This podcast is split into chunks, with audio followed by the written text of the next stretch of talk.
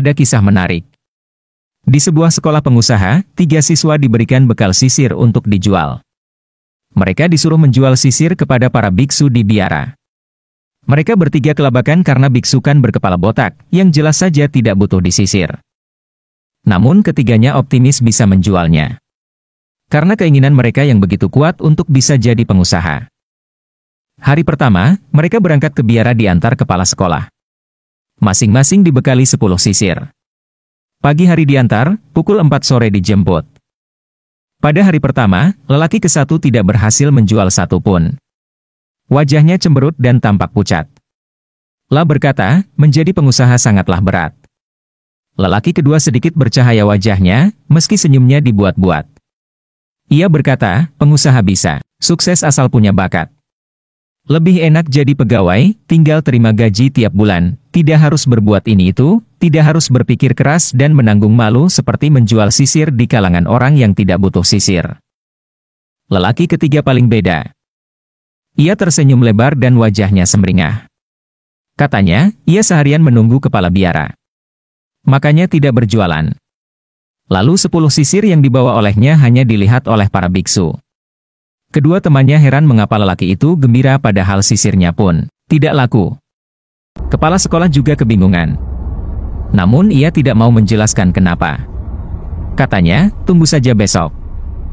Esok harinya, seperti biasa kepala sekolah mengantar tiga siswa itu ke biara yang sama dan menjemput mereka pukul 4 sore.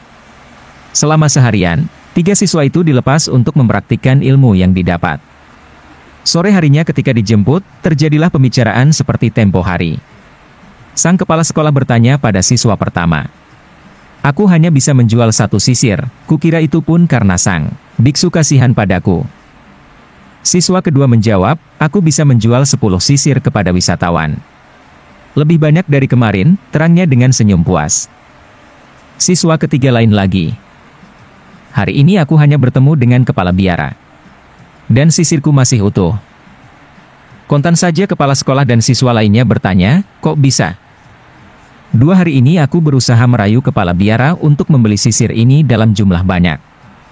Kemudian dijual oleh mereka sebagai cendera mata dari biara. Bukankah mereka bisa menuliskan kata-kata atau tanda tangan? Kepala biara memesan seribu sisir padaku. Dua hari lagi aku sanggupi kembali ke sana. Mendengar penjelasannya, tiga lelaki lainnya pun tersenyum bangga. Sang kepala sekolah memberikan apresiasi kepada siswa ketiga tadi. Saking bangganya, ia sampai menepuk-nepuk pundak sang siswa ketiga tadi sambil berkata, Masalah dalam kehidupan adalah kepastian. Cara menghadapi masalah tidaklah dengan alur lurus. Sesekali harus berani berdiri di luar jalur lurus. Sesekali harus berani berdiri di luar jalur lurus. Berpikirlah keluar dari kotak, maka solusi akan ketemu. Coba perhatikan. Siswa pertama berpikir dengan cara umum. Berjualan yang menawarkan dagangan kepada orang. Sedangkan cara siswa kedua cukup, lumayan, menawarkan dagangan kepada wisatawan. Namun, cara ketiga lebih jitu. Menembak tepat di jantungnya. Menawarkan sisir dalam jumlah banyak, mungkin dengan memberikan sedikit diskon. Memang berisiko tinggi, namun jika berhasil akan mendapatkan keuntungan yang tinggi pula. Begitulah kira-kira gambaran manusia yang pintar menghadapi masalah. Ia tidak akan pernah menyerah dengan keadaan. Bahkan, ia akan selalu menantang keadaan yang ruwet. Dan yang paling penting lagi dia tidak pernah berjalan dalam kerangka. Selalu berusaha berpikir out of the box. Orang itu akan berpikir subsidi hanya membuat manja dan tidak tahu diri. Tanpa disadari, firman Allah tentang karakter dunia semakin dilupakan. Orang menjadi mudah lupa diri. Hanya mengharap kemudahan tanpa menyadari arti dari kehadirannya di atas muka bumi ini.